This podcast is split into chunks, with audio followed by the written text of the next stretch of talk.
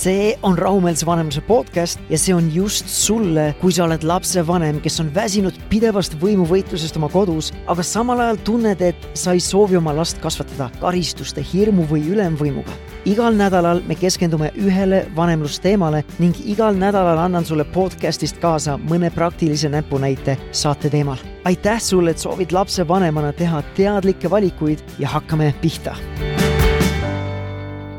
täna ma tahan sinuga jagada midagi, mis on lapsevanema seisukohast väärtuslikum valuuta või efektiivsem tööriist kui ükskõik milline tagajärg, kärkimine või ähvardamine või karistamine.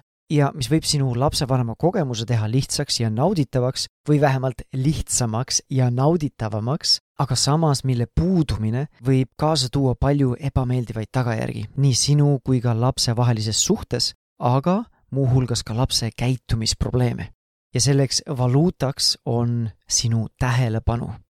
minu kõrvu on viimasel ajal jõudnud päris mitu lugu, kus ollakse kimpus lapse tähelepanu vajadusega ja sellest tulenevalt siis soovimatu või sobimatu käitumisega, et seda tähelepanu vanemalt saada.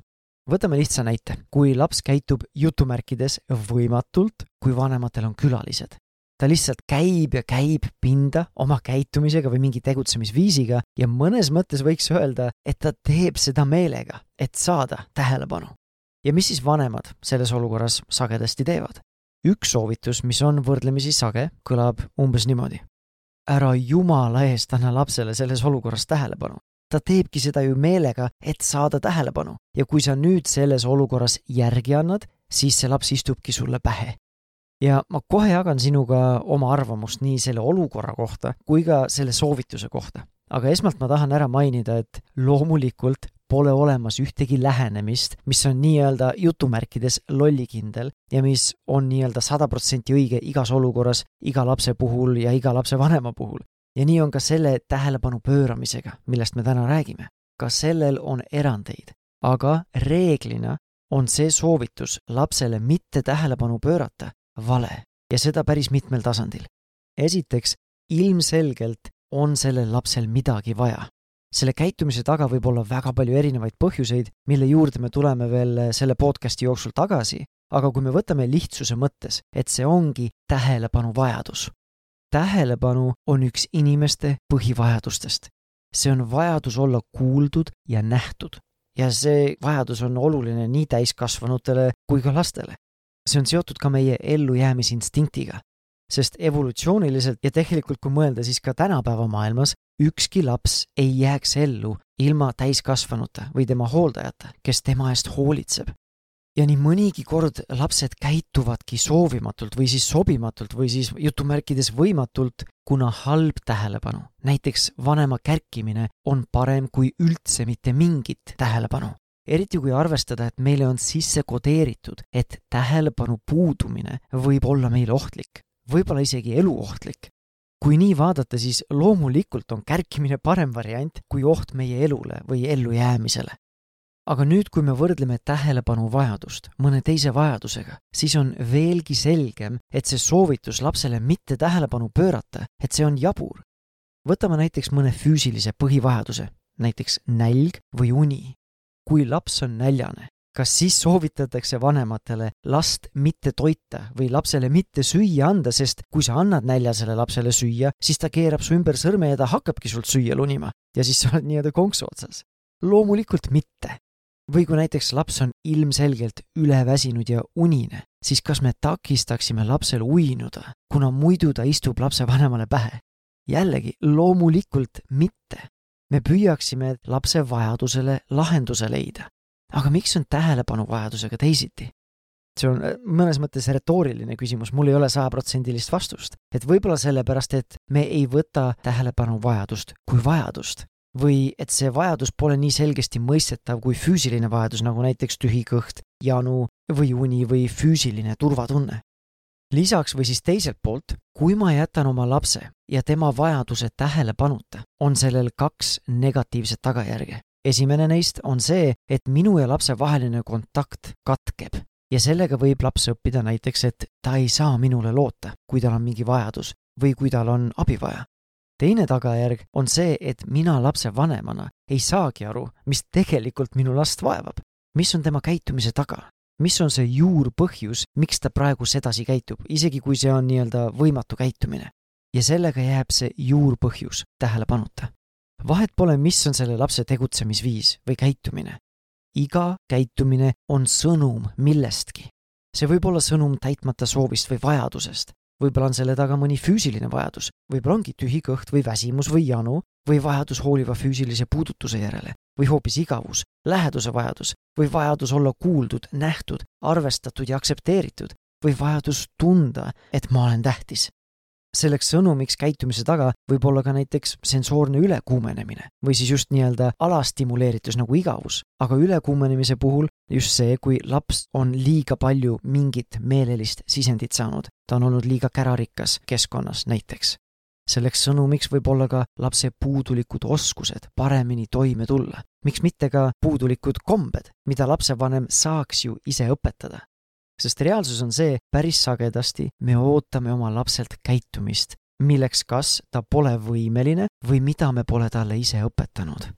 nii et tegelikult neid põhjuseid võib lapse käitumise taga olla mitmeid ja kui me nüüd ei võta aega maha, et saavutada lapsega kontakt ja mõista, mis selle käitumise taga on, siis tegelikult jääb lahendamata nii see sümptom kui ka tegelikult see juurpõhjus.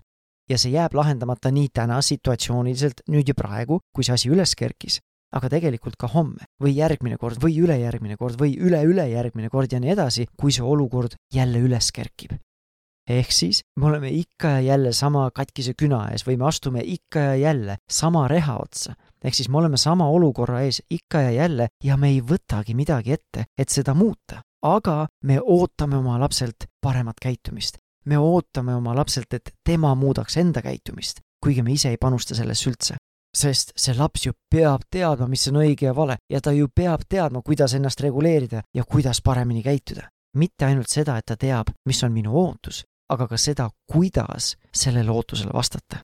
ehk siis kogu selle tähelepanu teema kokkuvõtteks, palun pööra oma lapsele tähelepanu.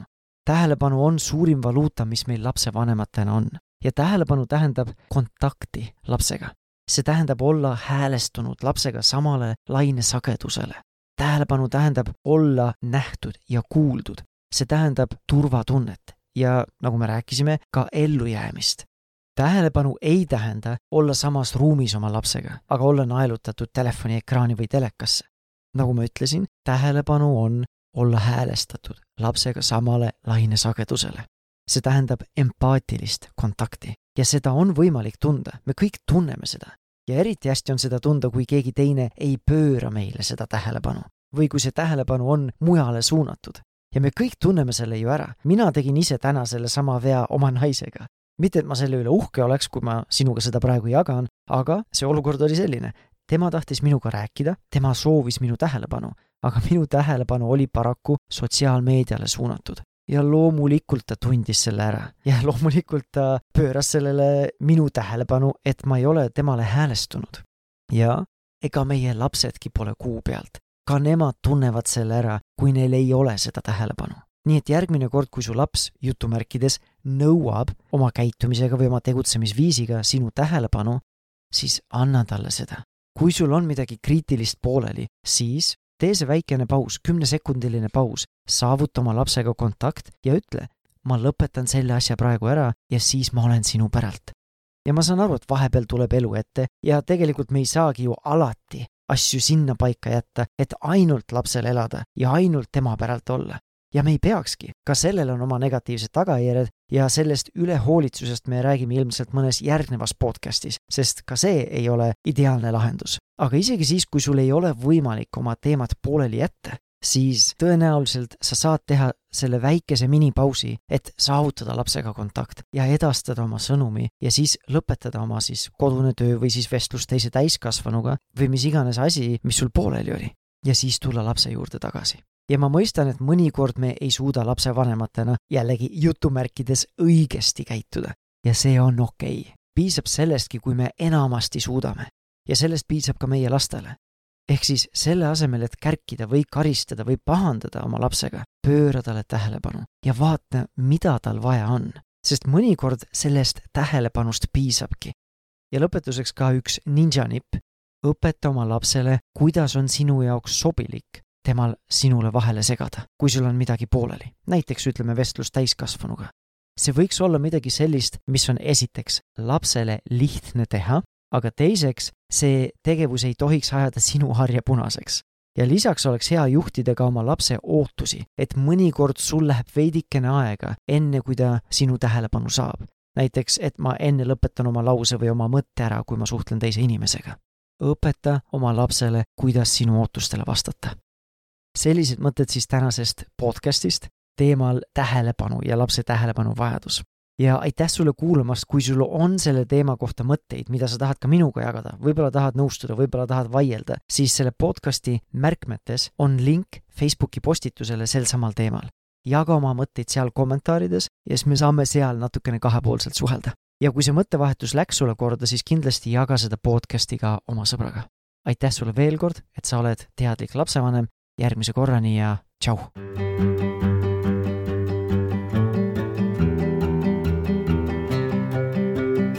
oot-oot-oot, enne kui ma sul minna lasen, ma tahan sind tänada selle eest, et sa oled lapsevanem, kes püüab ja soovib areneda. isegi kui su laps seda praegu ei hinda, siis mina väärtustan seda, mida sa teed, nii et aitäh sulle. ja kui tänane podcast läks sulle korda, siis suurim kompliment, mida sa mulle teha saad, on soovitada seda podcasti vähemalt ühele oma tuttavale. tänutäheks ma tahan sinuga jagada ühte oma lemmikraamatu kokkuvõtet nagu sina ja mina teame, pereelu on vahepeal nii kiire, et ei jõua kõiki neid häid raamatuid kaanest kaaneni lugeda. ja just sellepärast ma olen kokku pannud ühe enda arust parima vanemlusraamatu Lapse ajukeskne kasvatus lühikokkuvõte ja ma tahan seda sinuga jagada. sa leiad selle lühikokkuvõtte veebist taneljappinen.com kaldkriips kingitus ja lõpetuseks ma tahan sulle meelde tuletada, et me keegi ei ole täiuslik lapsevanem ja see polegi oluline täiuslikkus ei tohiks kunagi olla mõõdupuu või isegi eesmärk. oluline on, et sa liiguksid samm-sammult paremuse ja rahumeelsuse poole. nii et edu sulle sellel teekonnal ja järgmise korrani, tšau!